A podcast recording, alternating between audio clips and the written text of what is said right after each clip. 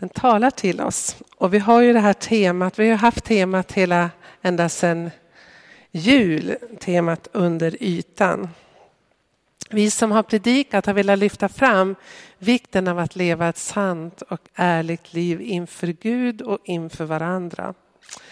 Vi har velat uppmuntra varandra att vara ärliga och öppna med vår sårbarhet, våra svagheter, vår tro och våra tvivel. Helt enkelt att våga leva i sanningen och tala om det som finns under ytan i våra liv. För vi tror att det endast är i sanningen, i verkligheten som den ser ut, som vi kan möta Gud, möta oss själva och som vi kan helas och upprättas. Tyvärr har våra bilder och förväntningar av det perfekta kristna livet eller församlingen och, och även våra bilder av hur det är att vara en god kristen lett till att det har blivit, jag, säger, jag vet inte hur det är i ditt liv, men i många våra liv kanske det är ett gap mellan idealen, hur man bör vara som en god kristen och verkligheten, eller hur, hur en god församling bör vara och verkligheten. Vi har satt upp ideal. När jag växte upp så kallade man det syndakataloger, vad man inte fick göra när man var kristen. Ibland har de här idealen varit helt klart bibliska. Ibland har det bara varit människobud. Men det har lett till en lagisk kristendom som vi brottas kanske lite grann fortfarande med i kyrkan och frikyrkan. Och det har lett till fördömande attityder från oss kristna mot andra. Men det har också lett till skamfyllda kristna som känner sig att man inte lever, orkar leva upp till de här förväntningarna. En orsak till varför det har blivit så här tror jag är det att vi har inte riktigt förstått den bibliska undervisningen som man skulle kunna sammanfatta redan nu men ännu inte. För det är faktiskt så att Bibeln och inte minst Paulus pratar om att vi redan nu är frälsta. Men samtidigt är vi på väg mot frälsning. Delvis är vi helade eller kan bli helade i det här livet men vi kan aldrig bli helt helade. Inte förrän vi kommer hem till Gud. Och Martin Luther han formade det så bra när han sa att vi kristna samtidigt är rättfärdiga och syndare på samma gång. Alltså inför Kristus genom Jesu död och försoning så har vi blivit rättfärdiggjorda. Men fortfarande brottas vi med synden i våra liv. Alltså med andra ord, även om vi är kristna så är vi fortfarande bara människor och på det sättet inte fullkomliga. Många av oss har tyvärr fått för oss att redan nu kan vi ta allt, ut allting som frälsningen erbjuder. Jag tror inte det. Paulus, han talar faktiskt om det här i sitt brev, det tredje, i Filipperbrevet, det tredje kapitlet och jag tänkte läsa några verser därifrån. Ni känner igen det i Filipperbrevet 3 och 10. Där säger Paulus så här. Jag vill lära känna Kristus. Jag vill lära känna Kristus och då kan man tänka, men kände inte Paulus Kristus vid den här tiden? Nej, han var inte färdig.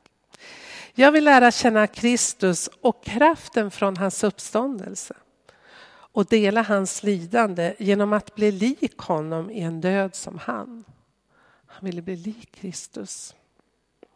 Kanske kan jag då nå fram till uppståndelse från de döda. Tro inte att jag redan har nått detta eller redan har blivit fullkomlig. Lägg märke, jag har strykit under här. Han, han påstår inte att han redan är fullkomlig. Men jag gör allt för att gripa det när nu Kristus har fått mig i sitt grepp. Bröder, jag menar att jag inte har det i min hand. Jag har inte frälsningen helt och hållet i min hand. Men ett är säkert, jag glömmer det som är bakom mig. Han vill glömma det liv han levde som farisé.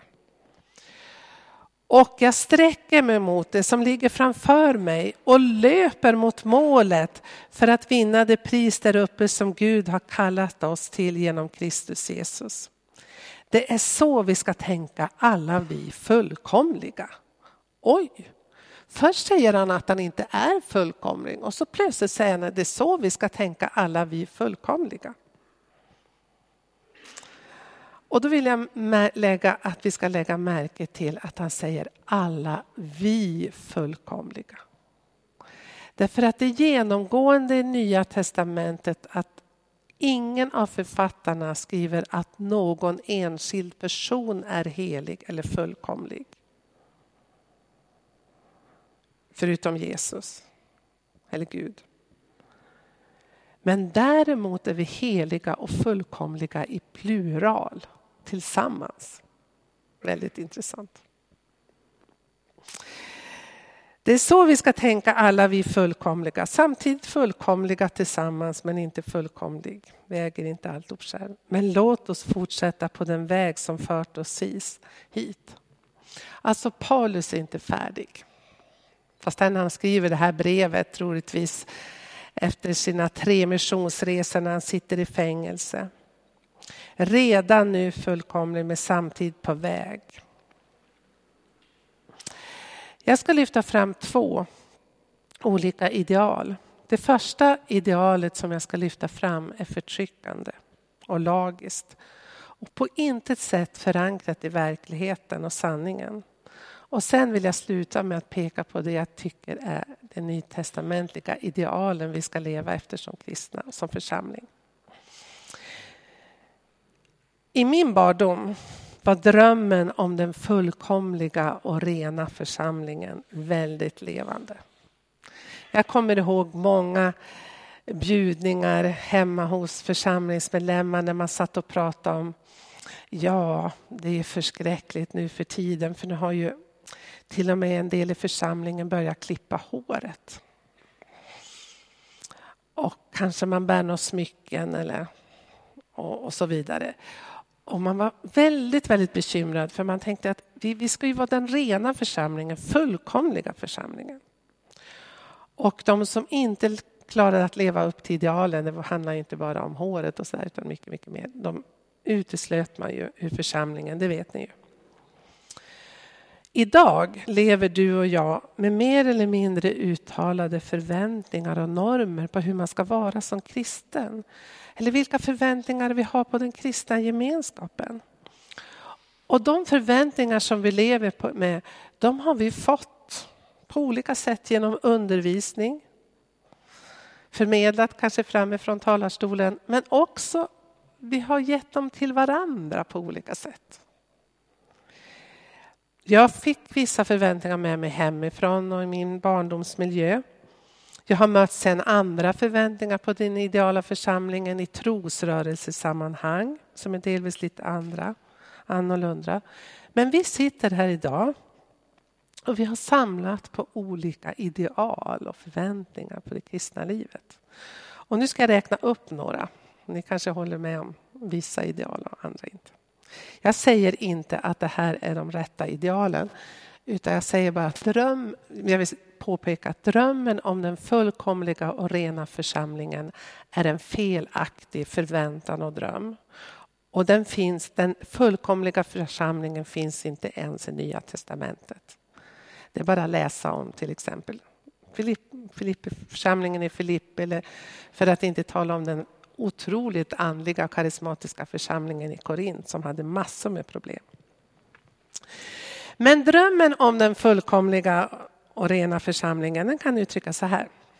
Att i vår församling, nu talar jag inte om Korskyrkan, i vår församling där har alla en stark tro. Som man tvivlar kan man känna sig utanför. Gemenskapen, ja men den är fantastisk. Här känner sig alla hemma och inneslutna.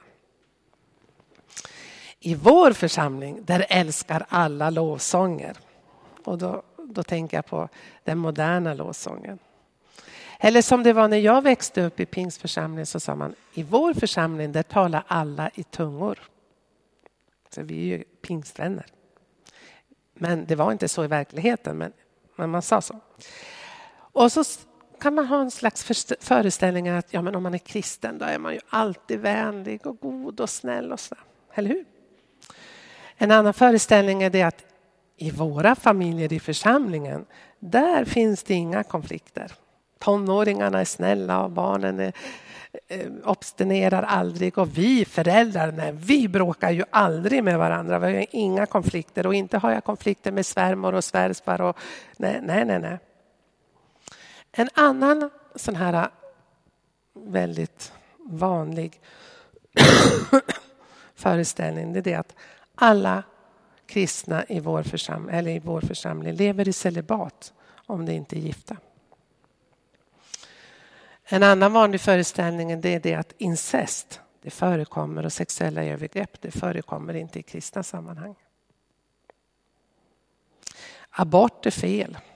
Och självklart har ingen i vår gemenskap utfört en abort. Otrohet förekommer inte och inte skilsmässor. Och ingen är ute på nätet och porrsurfar. Det kan vara ideal. En del av dessa ideal är det inget fel på. Flera av dem är helt klart bibliska. Problemet är att om vi inte erkänner för oss själva och varandra att de här idealen klarar vi inte att leva upp till. De stämmer, våra förväntningar stämmer inte med verkligheten. Då kommer vi att bli väldigt angelägna om att visa upp en fasad om att allting är bra. Men inuti, under ytan, är det annorlunda. Och drivkraften blir ofta prestation. Man måste prestera det här. Verkligheten skulle jag vilja beskriva. Och det är sanningen om våra liv. Om vi ska vara ärliga mot varandra ärliga om våra egna liv och den kristna kyrkan i stort inklusive vår församling Korskyrkan så är det så här att en del brottas med tvivel även om man är kristen. Eller jag skulle vilja säga alla brottas med tvivel någon gång under sitt liv även om man är kristen. Alla känner sig inte delaktiga i gemenskapen, hur fantastiskt den än är. Jag har varit med i ett antal församlingar. Jag har varit pastor i tre församlingar och medlem i några stycken till. Och en del av de församlingarna har haft såna fantastiska gemenskaper och alla har sagt att vi har det så bra i vår församling. Men det har alltid funnits i alla de församlingar människor som har kommit och sagt att de har känt sig ensamma eller utanför ändå. Och jag tror att vi även i vår församling måste erkänna att vi har en fantastisk gemenskap. Men det finns de som känner sig utanför. Vi är inte en perfekt gemenskap. Vi är inte så duktiga så att vi tar hand om alla människor som kommer hit och innesluter alla i vår gemenskap. Kan ni hålla med mig om det? Det är så. Och det är sorgligt, men så är det. Alla känner sig inte andliga. Alla har inte gåvan att tala i tungor. Till exempel om det skulle vara ett tecken på andlighet. I en krönika som Karl-Henrik Jacklund skrev i Dagen vecka 12, jag kommer inte ihåg vilken dag det var, han skrev en krönika, det står Vilse bland alla tvärsäkra. Och så berättar han om en konfirmand som i ett samtal med en pastor sa så här. Tänk att en ung människa, 14-15 år. Bland mina icke-kristna vänner känner jag mig väldigt kristen. Men bland mina kristna vänner känner jag mig väldigt lite kristen. Jag tänkte när jag läste det här, och så sorgligt, men så vanligt. Jag skulle tro att de flesta av oss som sitter här inne någon gång har känt, nej men jag är inte så andlig som de andra. Jag är ju inte så kristen. Om de visste hur jag tänkte, hur jag tvivlar eller vad jag har varit med om så skulle de tänka, Amen. Jag ska inte be er räcka upp handen, men jag kan säga att jag har känt så ibland. Jag är inte tillräckligt kristen. Om bekännelsen är väldigt hög i en kristen gemenskap och det inte ges utrymme för två frågor och tvivel är risken stor att många känner att det är oandliga, dåliga kristna och kanske till och med att de känner att jag passar inte in. Jag får inte lov att vara med. Någonting som har blivit väldigt viktigt de senaste, ja, från i slutet av 70-talet och framåt, det är ju det här med lovsången och de moderna lovsångskörerna. Och då kan man ju känna så att ja, men i vår församling älskar alla att sjunga lovsånger. Eller gospel som vi pratar om. ja. Men det är faktiskt så, om vi ska vara ärliga, att alla älskar inte de moderna lovsångskörerna. Men vi som älskar att sjunga de moderna lovsångskörerna, vi kan väldigt lätt, och kanske möter Gud i de här lovsångsstunderna, vi kan väldigt lätt se på andra som inte gör det som oandliga. Därför att vi möter ju Gud på det sättet. Men nu vill jag säga något väldigt viktigt. Jag tror att Gud möter oss i den sångerna och i den musikstil som vi tycker om. Så tycker du om gamla väckelsesånger så är det mer troligt att du möter Gud i de sångerna. Och då kom jag att tänka på en, en sak. När jag gick på missionsskolan så hade vi besök en gudstjänst av en missionär från, som var verksam i Japan. Och han var professionell musiker, cellist och hade fått en väldig ingång i det japanska samhället genom sin musik och fått vittna om Jesus. Och när han började spela på sin cello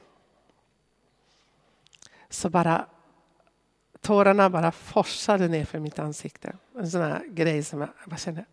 Alltså jag kände en sån gudsnärvaro. Det var delvis på grund av hans vittnesbörd men också hans sätt att spela. Och så är det ju så att cellomusik älskar jag. Och så jag, när jag kom på det här för ett tag sedan så tänkte jag jag är säker på att alla som satt bland mina klasskamrater och andra klasser det var inte alla som upplevde samma sak. För alla älskar inte cellomusik och klassisk musik. Gud talar till oss där vi befinner oss på vårt eget språk. Och jag tror att vi måste väldigt acceptera det här hos varandra och se det att även musikstilar, det handlar inte om andlighet utan det handlar om preferenser, tycke och smak. Och vi kan möta Gud på väldigt många olika sätt. Men vi kan också tycka om både moderna lovsånger och klassisk musik och opera, som jag. Mm. Eller andra. Men vi behöver inte göra det. Och nu behöver absolut inte tycka om opera som jag. Ja. vi kan också erkänna att vi är inte alla vänliga, goda människor även om vi är bekännande kristna. Vi kan nog komma på bara den senaste veckan hur, hur vi har betett oss kanske i olika situationer, att det inte alltid varit så vänliga och goda. Och vi måste kunna erkänna att även om vi är kristna familjer så även i de finaste kristna familjer så förekommer det konflikter på olika sätt. Och vad jag skulle vilja säga så här. Det är att många kristna har sex innan äktenskapet. Även om vi i vårt sammanhang, EFK och även Pingst som jag är uppvuxen i, har sagt att sex är någonting som hör till äktenskapet och man har inte sex innan äktenskapet. Men min egen erfarenhet i mötet med människor när man sitter ner och pratar på djupet är det att det stämmer inte. Det är få som har lyckats leva upp till det. Och undersökningar, vetenskapliga undersökningar, det är mest i USA de sysslar med sånt, har visat att även de som har lovat att vara tro, avhålla sig från sex innan äktenskapet, de flesta klarar inte det. Därmed inte sagt att det inte är en bra, nu vill inte jag säga att det inte är en bra eh, man ska säga, skydd, en bra målsättning. Jag tycker att vi måste kunna dra ner på vår höga bekännelse och erkänna att det här är ett svårt område och det är inte enkelt. Ni får gärna slå mig för det här efteråt. Jag hävdar om att många kristna klarar inte av och lever, har sex före äktenskapet. Punkt. Trots sin höga bekännelse. Incest. Vi har hört mycket incestskandaler som förekommer i katolska kyrkan och svenska kyrkan. Men det förekommer även i frikyrkor och även i våra sammanhang. Varje själavårdare som jag känner som själavårdare i kristna kyrkor har mött människor som har varit utsatta för övergrepp, sexuella övergrepp inom familjen eller kanske av en pastor. Och man är fylld av skam över detta. Jag vill också påstå att kanske någon i vår gemenskap har gjort en abort. Jag skulle aldrig stå här framme och säga att abort är mord. Därför att det är att lägga sten på börda. Därmed vill jag säga så här att jag tycker att det höga aborttalet i Sverige är någonting som är hemskt och någonting som vi borde sträva mot att verkligen minska. Otrohet och skilsmässor vet vi förekommer inte bara i USA bland tv-predikanter eller på Livets ord utan även i vår gemenskap.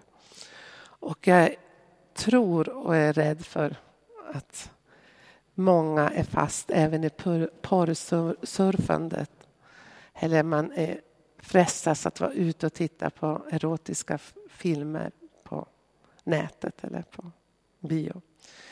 Mattias han berättade för mig att det var någon som jobbar med det här. Vad var det? Någon som jobbar med sådana som är fast i det och sa att 90 procent av alla män porrsurfar eller tittar på erotiska bilder.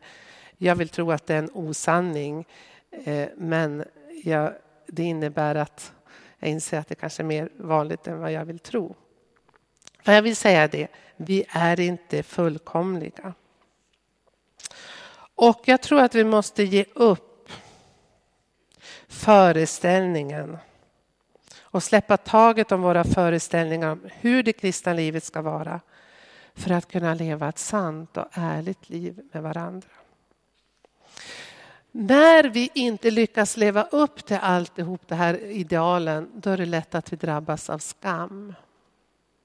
Och skammen säger, jag är fel. Jag inte bara gör fel, jag är fel. Jag kan ta nästa bild. Prestation och skam ligger väldigt nära varandra. Om man säger så här att vi har gått från att leva i en skuldkultur till en skamkultur. Alltså att vi har svårt att erkänna när vi gör fel. Men väldigt många människor i vårt samhälle idag känner att jag är fel. Jag är för tjock. Jag är inte tillräckligt begåvad. Jag, alltså det kan vara på sådana områden. Men det kan också vara inom den kristna gemenskapen vara så att jag känner skam därför att jag klarar inte av att leva upp till de här förväntningarna. Och skamkultur och hederskultur ligger väldigt nära varandra och är ofta kopplad just till vår sexualitet. Om man är fylld av skam då känner man jag är fel. Och då har man ofta väldigt svårt att erkänna att jag kan göra fel. Men det är skillnad på att göra fel och det är skillnad på att vara fel. Och Bibeln säger att vi alla är älskade av Gud, så ingen av oss är fel, men vi kan göra fel. Och den här frågan, vi kan ta längre ner. Skulle någon kunna älska mig om de visste hur jag verkligen är? Har du ställt dig den frågan någon gång? Skulle någon kunna älska mig om de fick se in i mitt hjärta och veta allt om min bakgrund? Skulle de verkligen kunna älska mig då? Och på den frågan vill jag säga ja. Gud älskar dig precis som du är. Han gav sitt liv för oss medan vi ännu var syndare, säger Paulus. Det är fantastiskt. Och jag skulle önska att vi kunde vara en församling, kunde odla en kultur också, där vi kunde förmedla du är älskad som du är. Hur bryter man då skammens förtryck? Ja, skammens förtryck bryter man bara genom sanningen. Och Jesus själv sa sanningen ska göra er fria.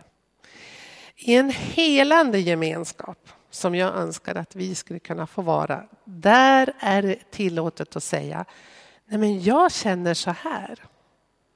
Även om alla andra känner något annat. Jag tycker så här. Även om alla andra tycker annorlunda. Och så får man vara älskad som den man är. Sen är det ju inte sämre än så som min pappa sa, jag brukar citera min pappa sa, man är inte sämre än att man kan ändra sig. Både när det gäller åsikter och tjänster och allting. Men det finns en, en teolog som heter Göran Larsson som har skrivit en bok, Skamfilad, och då säger han så här. När man inte får tänka sina egna tankar, inte känna sina egna känslor, kan man inte leva sitt eget liv. Därmed blir Gud inte riktigt verklig för en, eller en levande verklighet.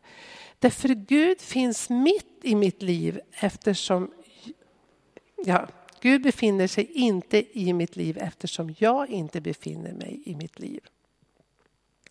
Vad vill han säga? Det här är otroligt viktigt.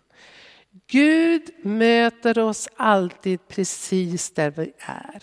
I vår skam, i vår förtvivlan, i vår sorg, i vår glädje oavsett var vi befinner oss. Men han möter oss inte i vår idealbild av oss själva där vi skulle önska att vi vore. Han möter oss inte här borta. Utan han möter oss där vi är och där vi är sanna. Och om du upplever i ditt liv att du har svårt att känna Guds närvaro och känna att Gud verkligen är verklig för dig så kanske det är att du inte är verklig för dig själv. Du har inte funnit dig själv. Du är inte ärlig mot dig själv. För Gud möter oss bara när vi är ärliga och sanna mot oss själva och mot honom. Eh, man säger så här, att skuld det är någonting som man kan erkänna och få förlåtelse för. Alltså när jag har gjort något fel så kan jag böja knä, säga till Gud förlåt mig för att jag har skällt ut min medmänniska och sårat henne idag. Eller förlåt mig för att jag gjort det och det. Och så kan jag få förlåtelse. Men om du kommer till Gud och säger, gode Gud förlåt mig, jag är en fel. Jag, jag, jag, jag är en helt urusel kristen.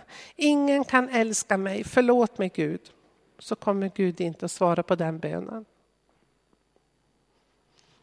På något annat sätt än att säga att nej men, du är ju älskad av mig. Men jag tror att för att kunna ta emot Guds kärlek så måste man kanske först få uppleva kärlek från människor och en kärleksfull gemenskap där man får känna sig älskad och mottagen precis som man är. Härlighet och barmhärtighet mot varandra. Och min egen erfarenhet är det att det är när vi får möta Gud, när vi känner oss längst ner på botten, när vi känner oss riktigt värdelösa, när vi har gjort något som vi riktigt skäms för. Om vi där kan ta emot Guds nåd och förlåtelse och känna att vi är älskade precis som vi är, då kan vandringen mot Kristus likhet börja. Men på ett helt annat sätt, då är det nåden som leder oss. Verkligheten nu ska jag bara snabbt säga det. Verkligheten är sanningen. Vi är både människor och kristna, vilket innebär att vi kan aldrig bli en perfekt gemenskap, inte ens här i Korskyrkan. Aldrig helt och fullt. Men vi kan sträva efter det med Andens hjälp. Och tillsammans kan vi hjälpa oss att följa Jesus. Vi är på ett sätt och vis fullkomliga inför Kristus, men samtidigt är vi på väg. Vi kan aldrig bli fullkomligt hela, varken inuti eller fullkomligt hela, tror jag. Kanske bara delvis. Eller om vi blir helade till kroppen så kanske någon annan del av oss som behöver bli helade. Men vi är på väg mot det fullkomliga helandet. Men i vår trasighet här och nu så är vi Guds utvalda, heliga, älskade. Paulus skriver till församlingen i Kolosser som inte heller var perfekt församling. Han sa att ni är Guds utvalda, heliga och älskade. Och jag tror att det är viktigt att vi även om vi känner att vi bär på mycket och som vi behöver bekänna och erkänna och be om förlåtelse för så ska vi alltid sträva mot målet är att bli mer och mer Kristuslika. Och då vill jag ta sista bilden här bara snabbt. Så vilka ideal är det vi ska ha som kristna församling? Det viktigaste idealet det är det dubbla kärleksbudet. Om du läser evangelierna ska du se att när Jesus får frågan vilket bud är det viktigaste budet? Vad säger han? Han säger inte det är fel med homosexualitet. Han säger inte du får inte ha sex för äktenskapet. Han säger inte ens att du får inte vara otrogen. Nej, vad säger han? Du ska älska Gud av allt ditt hjärta, med hela ditt förstånd, med hela din själ, med all din kraft. Och din nästa som dig själv. Alltså sätt Gud främst i ditt liv. Över allting annat. Så faller allt på plats. De tio budorden återkommer i Nya Testamentet. Att älska, och då är igen det här att inte ha några andra gudar utanför Gud. Att hedra vår fader och moder, att inte stjäla, att inte begå äktenskapsbrott, att inte ha begärelse till vår nästas ägodelar och så vidare. Goda föredömen. Men vårt liv borde framförallt, ja borde, självklart kännetecknas av de andens frukter. För det är en beskrivning av Jesus själv. Och jag skulle önska, jag säger det igen, jag skulle önska att jag vore en sån person som när människor möter mig säger att ja, men du, du utstrålar kärlek, glädje. Glädje! Du utstrålar glädje, frid, vänlighet, godhet, trofasthet, ödmjukhet, självbehärskning. Det är det. Men det är frukter som vi inte kan liksom bara ta oss utan de måste liksom få växa fram inifrån i gemenskap med Jesus. Att visa barmhärtighet tror jag är en jätteviktig ideal att sträva efter. Jag tror också det är viktigt att vi ser våra kroppar som Guds tempel.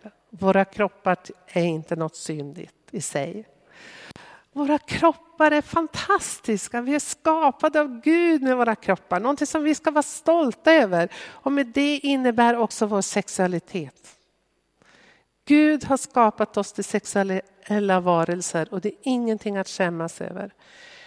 Men det är oerhört viktigt att vi lever med vår sexualitet inför Gud. Och vi tänker att vår sexualitet är en otroligt ömtålig gåva som vi har fått av Gud och som vi måste vårda och som vi har ansvar med inför Gud hur vi förvaltar den. Att inte kränka någon annans sexuella gränser eller överhuvudtaget någon annans gränser. Och inte låta någon annan kränka vår kropp. Att kunna säga nej. Att vänta tror jag är viktigt. Kunna säga nej och säga ja i rätt sammanhang. Drivkraften här mot den här idealen tror jag måste vara tacksamhet över att vi är Guds barn. Älskade av nåd och har tagit emot honom. Och nu går vi in i påskveckan. Och vi kommer att påminna oss om vad Jesus har gjort för oss på korset. Han har dött och han har uppstått för att du och jag ska kunna få förlåtelse för allt som jag har gjort fel. Men kom ihåg att Gud sände sin son till oss medan vi ännu var syndare. Amen.